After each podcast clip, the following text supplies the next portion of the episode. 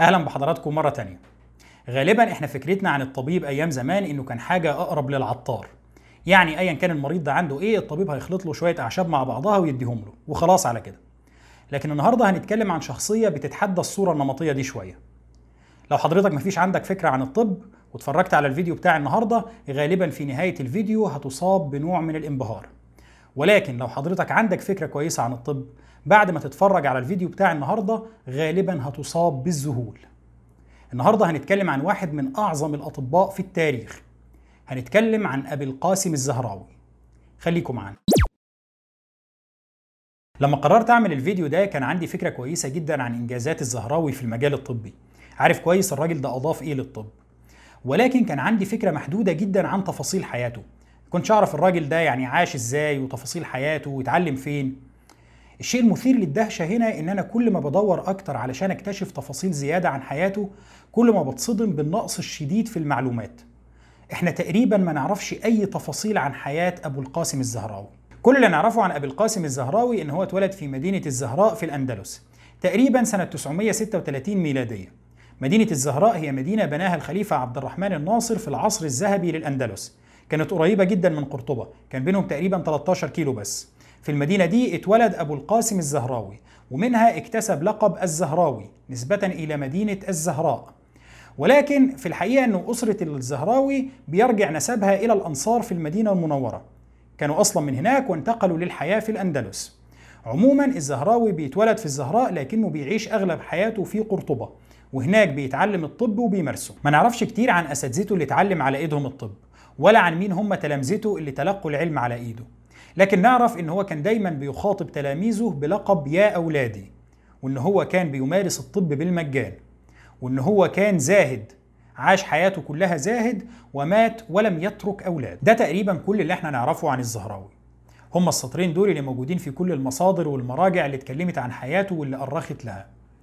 وده غريب شوية لأن إحنا عندنا شخصيات تاريخية تانية يمكن ما كانش ليها نفس الوزن أو التأثير بتاع الزهراوي وبالرغم من كده عندنا مراجع ومؤلفات ضخمة في التاريخ لكل تفصيلة من تفاصيل حياتهم. يعني صح النهاردة أكل إيه مكتوبة في كتب التاريخ بينما واحد زي الزهراوي ما نعرفش عنه غير السطرين دول. طبعا ده بيخلي قدامنا احتمالين. الاحتمال الأولاني إنه الزهراوي ده عادي يعني مش الشخصية ذات التأثير المهم اللي إحنا بنتكلم عنه مجرد طبيب من آلاف الأطباء اللي عاشوا على مر العصور الإسلامية المختلفة. وبالتالي يعني ما يستاهلش هم يا دوب السطرين دول كفاية قوي عليه وكده خد حقه. بينما الاحتمال الثاني وده الأقرب للواقع باعتبار إن إحنا بنتكلم عنه النهارده هو إن المعاصرين للزهراوي في حياته لم يدركوا حجم التأثير اللي هو هيتركه. راجل عاش ومات بدون ما المعاصرين له يعرفوا حجم التأثير الضخم اللي هيتركه الزهراوي في تاريخ الطب. وعلشان كده يدوب كتبوا السطرين دول عنه. بينما تم اكتشاف قيمته وتأثيره الحقيقي بعد وفاته. وهو ده اللي حصل فعلا. أبو القاسم الزهراوي ترك لنا مؤلف ضخم جدا في الطب اسمه التصريف لمن عجز عن التأليف. الكتاب ده هو عبارة عن 30 مقالة تركهم الزهراوي في جميع مجالات الطب. أول ثلاث مقالات في الكتاب بيتكلم فيهم عن الأمراض عموما. بعد كده من المقالة الرابعة للمقالة التسعة وعشرين بيتكلم عن الأدوية الأدوية المركبة والأدوية المفردة والأعشاب والتركيبات المختلفة بتاعتها. الزهراوي كان مهتم جدا بعلم الأدوية. المقالة الثلاثين هي السبب الحقيقي في شهرة الزهراوي والتأثير الرهيب اللي هو تركه على الطب لحد دلوقتي. المقالة دي كان عنوانها في العمل باليد. وهي دي اللي خصصها الزهراوي للحديث عن الجراحة.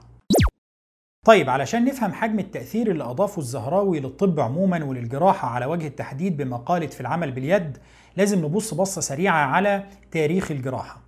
على عكس المتوقع ما كانش دايما الجراحة جزء مهم من الممارسة الطبية على مدار التاريخ.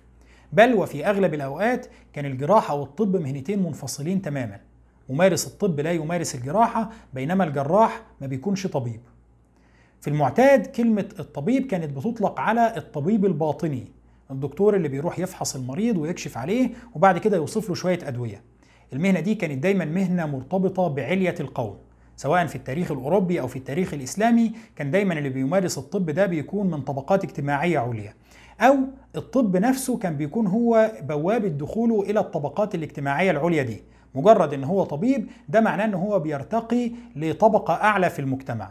ويا سلام بقى لو الطبيب ده أثبت إن هو طبيب شاطر وبقى يعني عرفوا الحاكم ولا عرفوا الخليفة ولا عرفوا واحد من الوزراء وبقى الطبيب الخاص بتاعه.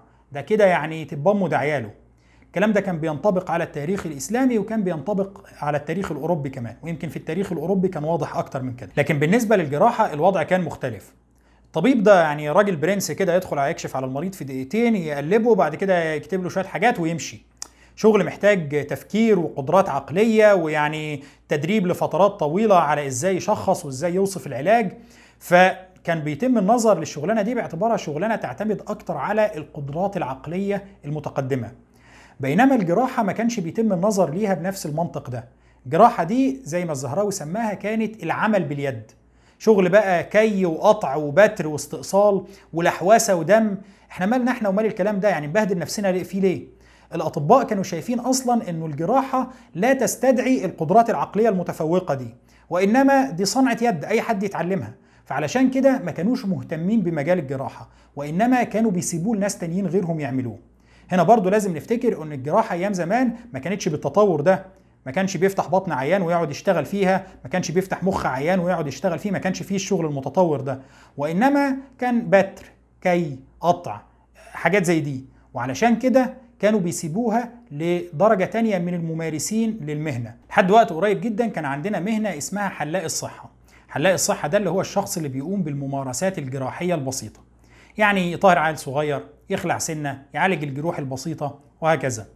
في بريطانيا مثلا سنة 1540 اتكونت عندنا جمعية للجراحين والحلاقين. هي كان اسمها كده. استمرت الجمعية دي موجودة ل 200 سنة تقريبا كممثل للجراحين والحلاقين. وسنة 1745 انفصلت لجمعيتين نقابة للحلاقين وجمعية للجراحين. جمعية الجراحين دي هي اللي هتتحول فيما بعد للكلية الملكية للجراحين بلندن واللي هي موجودة لغاية النهاردة والزمالة بتاعتها تعتبر من أرقى الزمالات في مجال الجراحة. وعلشان كده الجراح في بريطانيا لحد النهارده بيتقال له مستر فلان مش دكتور فلان. يا جماعة أنا دكتور أنا راجل درست الطب ومش عارف إيه. دكتور على نفسك. أنت جراح يتقال لك يا مستر. عشان إحنا تاريخيا بنقول للجراحين يا مستر لأنه تاريخيا الجراح ده ما كانش دكتور. يا اخوانا أنا راجل دكتور. دكتور على نفسك. أنت هنا ما دام بقيت جراح تبقى مستر. وعلشان كده طبقا للكلية الملكية للجراحين في لندن الجراح البريطاني بيمر بثلاث مراحل. قبل ما يتخرج من كلية الطب بيبقى اسمه مستر لأنه لسه مش دكتور. بعد ما يتخرج من كلية الطب وياخد الشهادة بتاعته بيبقى دكتور. يفضل دكتور لغاية أما يتخصص في مجال الجراحة. ما دام اتخصصت في الجراحة ترجع مستر تاني. يا إخوانا أنا كده المفروض اترقيت يعني أفضل بقى دكتور؟ لا. أنت مستر. مش جراح هتفضل مستر. استمرت النظرة المتدنية دي للجراحة في أوروبا لحد منتصف القرن التسعة عشر ده الوقت اللي تم اختراع التخدير الكلي فيه. بمجرد ظهور التخدير المعادلة دي اتغيرت تماما. قبل ما يظهر التخدير كان الجراح لازم يعمل حاجات سطحية ويعملها بسرعة شديدة. ليه؟ لأنه ما كانش فيه تخدير موجود زي دلوقتي. وإنما المريض كان بياخد حاجات يدوب تقلل مستوى الوعي عنده شوية. يشربوا المريض خمرة أو يدوا له حتة أفيون حاجات يدوب تدروخه. ولما المريض يدروخ كده يقوموا جايبين ناس تكتفه والجراح يشتغل بمنتهى السرعة علشان ينهي العملية بتاعته. العملية دي اللي هي مثلا كانت تبقى عملية بتر أو حاجة زي كده. لكن بمجرد اختراع التخدير خلاص الجراح بقى عنده مطلق الحرية إن هو يعمل اللي هو عايزه. بقى يقدر يفتح بطن المريض ويشتغل جوه بقى يقدر يفتح مخ المريض ولا رقبته ويشتغل جوه. وعلشان كده بقى عندنا كل العلوم والفروع المختلفة للجراحة النهارده. خلاص بقى عندنا جراحة قلب وجراحة مخ وأعصاب وجراحة جهاز هضمي وجراحة أوعية دموية. كل الجراحات دي نشأت بسبب علم التخدير. وعلشان كده برغم الخلاف الشديد ما بين الجراحين ودكاترة التخدير طول اليوم يتخانقوا مع بعض لكن لو اختفى دكاترة التخدير أو بطلوا شغل أو اختفى علم التخدير الجراحين هيقعدوا من غير شغل وعلم الجراحة هيبقى علم غير قابل للتطبيق. في العالم الإسلامي كانت النظرة لمجال الجراحة أفضل بكتير جدا من أوروبا. ما كانش فيه الانفصال الكامل ما بين الطب والجراحة وكان الطبيب بيمارس الجراحة بإيده. ولكن المشكلة اللي كانت بتواجههم هي إنه زي ما قلنا الممارسات الجراحية نفسها كانت محدودة. يمكن أول طبيب في تاريخ العالم الإسلامي اشتهر بإن هو اهتم بالمجال الجراحي كان طبيب عاش في إيران في القرن العاشر الميلادي اسمه علي بن عباس الأهوازي. علي بن عباس له كتاب مهم في تاريخ الطب اسمه كامل الصناعة الطبية. الكتاب ده يعتبر مرجع مهم جدا في مجال الجراحة. في الوقت اللي كان كتاب القانون يعتبر هو المرجع الأساسي في مجال الطب الباطني كان كتاب كامل الصناعة الطبية يعتبر مرجع أساسي في مجال الجراحة. علي بن عباس الأهوازي يعتبر كان معاصر للزهراوي ولكن الزهراوي كان عايش في الأندلس وكان علي بن عباس عايش في إيران. بالرغم من المجهودات الكبيرة جدا اللي بذلها علي بن عباس إلا أن الزهراوي في كتاب التصريف في المقالة الثلاثين بينقل الممارسات الجراحية لمستوى تاني خالص. الزهراوي في الكتاب ده بيقول إن هو ساب الجراحة لآخر الكتاب لأن الجراحة هي أصعب مجالات الطب. ولأن اللي بيمارس الجراحة لازم يكون ملم بكل الممارسات الطبية وبكل فروع الطب الموجودة قبل ما يمارس الجراحة. بيقول كمان في الكتاب ده إنه اللي عايز يمارس الجراحة لازم يدرس علم التشريح بمنتهى الدقة. الزهراوي مش بس بيركز على مجال الجراحة كجراحة عامة ولكنه كمان بيركز على التخصصات الجراحية المختلفة زي تخصص العظام أو تخصص المسالك أو التخصص اللي بيبدع فيه أكتر بكتير من غيره وهو تخصص أمراض النساء والتوليد. في مجال جراحة العظام الزهراوي بيوصف بالتفصيل كل الكسور اللي ممكن تيجي في أي عظمة في الجسم المكان بتاعها وشكل الكسر وطبيعته. وبعد كده بينتقل لوصف إزاي نجبر العظمة دي إزاي نربطها وازاي نشدها والوقت اللي هتاخده العظمة دي لحد ما تلتئم في كل كسر مختلف. جزء كبير من المعلومات اللي الزهراوي بيوصفها في المجال ده ما زالت صالحة لغاية النهاردة. وفي مجال المسالك الزهراوي بيبتكر طريقة لاستخراج حصوات المثانة عن طريق المهبل. مش بس كده لكنه كمان بيضيف تعديل على القساطر البولية اللي كانت مستخدمة في الوقت ده بحيث يخليها أسهل وأقل إيلاما ويكون استخدامها يعني عملي أكتر. في مجال أمراض النساء والتوليد الزهراوي بيكون مبدع. الزهراوي هو أول طبيب في التاريخ يتكلم عن الحمل خارج الرحم. أول واحد يوصف الموضوع ده ويتكلم عن طرق لعلاجه كان هو الزهراوي. الزهراوي كمان بيبتكر ملقاط بيشدوا بيه رأس الطفل وهو خارج من الرحم. الملقاط ده هو اللي بيصممه وبيرسم التصميم بتاعه بنفسه. الزهراوي كمان بيكون أول طبيب في التاريخ يوصي بعملية شق غشاء السائل الأمنيوسي المحيط بالطفل. التقنية دي لازالت بتستخدم لحد النهارده. أول طبيب في التاريخ عمل الموضوع ده كان هو الزهراوي. الزهراوي بيكون له الفضل في اكتشاف تقنيات جراحية جديدة في كل مجالات الجراحة مش بس في التخصصات اللي إحنا اتكلمنا عنها دي. الزهراوي مثلا بيوصف إزاي نقدر نستخرج التجمعات الدموية من الصدر عن طريق أنبوبة. الطريقة دي هي اللي لسه بتستخدم لغاية النهاردة في حالة إن يكون في تجمع دموي موجود في الصدر. الزهراوي عمل الموضوع ده من ألف سنة. كان بيستخدمه في حالة الإصابات بسهم في الصدر. الزهراوي هو أول واحد بيستخدم خيوط الحرير في ربط الشرايين. خيوط الحرير ما زالت بتستخدم لحد النهاردة. كل أوضة عمليات بلا استثناء فيها خيط حرير والجراحين كلهم بيستخدموه في ربطات جراحية كتير. أول واحد عمل الابتكار ده هو الزهراوي. الابتكار اللي اتعمل من ألف سنة ما زال صامد لغاية النهاردة وما زال كل جراح في أي مكان في العالم النهاردة بيستخدمه. الزهراوي برضه هو أول واحد استخدم خيوط الكات جات. خيوط الكات جات هي خيوط بيتم استخدامها في الجروح الداخلية.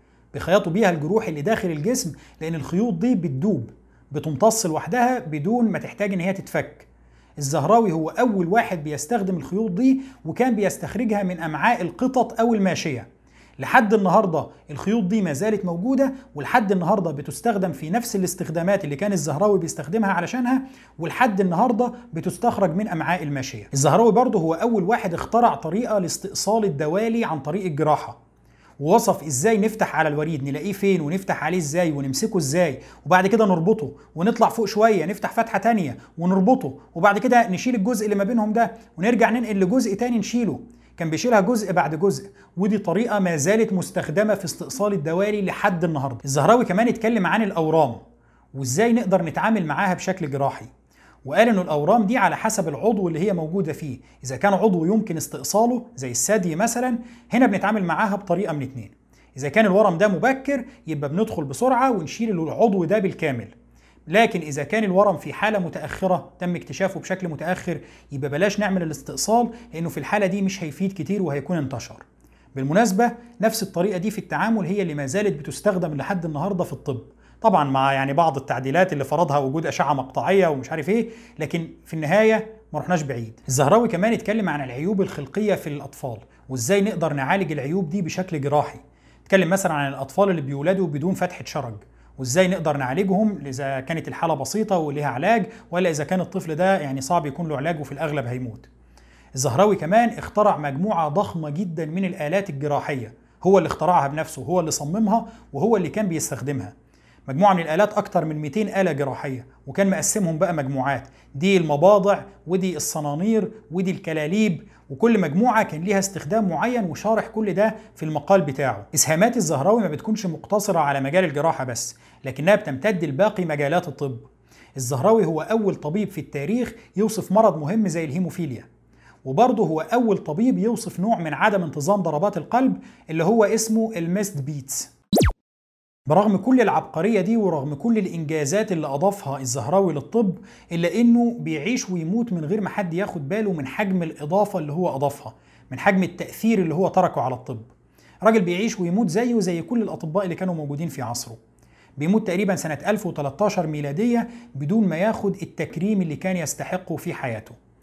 ومش ناس كتير بيسمعوا عن الزهراوي في المشرق العربي في الوقت ده بسبب التأثير الكاسح لابن سينا. اللي كان معاصر له في الوقت ده واللي كان المؤلف بتاعه اللي هو القانون يعتبر هو المرجع الأساسي للطب في العالم الإسلامي في الوقت ده. باعتبار أن القانون طبعا كتاب بيركز على الطب الباطني اللي هو الأكثر شعبية. بينما الزهراوي كان كل الإنتاج بتاعه أو أغلب الإنتاج بتاعه مركز على مجال الجراحة. بيستمر الوضع كده لحد القرن ال 12 وفي القرن ال 12 الميلادي بيتم ترجمة كتاب التصريف للغة اللاتينية. وهنا أوروبا بتلاقي نفسها قدام كنز معرفي لم يسبق له مثيل. أوروبا بتعتمد على الترجمة اللاتينية لكتاب القانون لابن سينا كمرجع أساسي للطب الباطني. بينما بتعتمد على الترجمة اللاتينية لكتاب التصريف لأبي القاسم الزهراوي لمدة تتجاوز ال 500 سنة. بيستمر الكتاب بتاعه كمرجع أساسي للجراحة لكل ممارسي الجراحة في أوروبا لمدة أكثر من 500 سنة. وبتستمر بعض الابتكارات اللي هو ابتكرها مستخدمة في الطب لغاية النهاردة. شكرا لحضراتكم وإن شاء الله نشوف حضراتكم الأسبوع اللي جاي.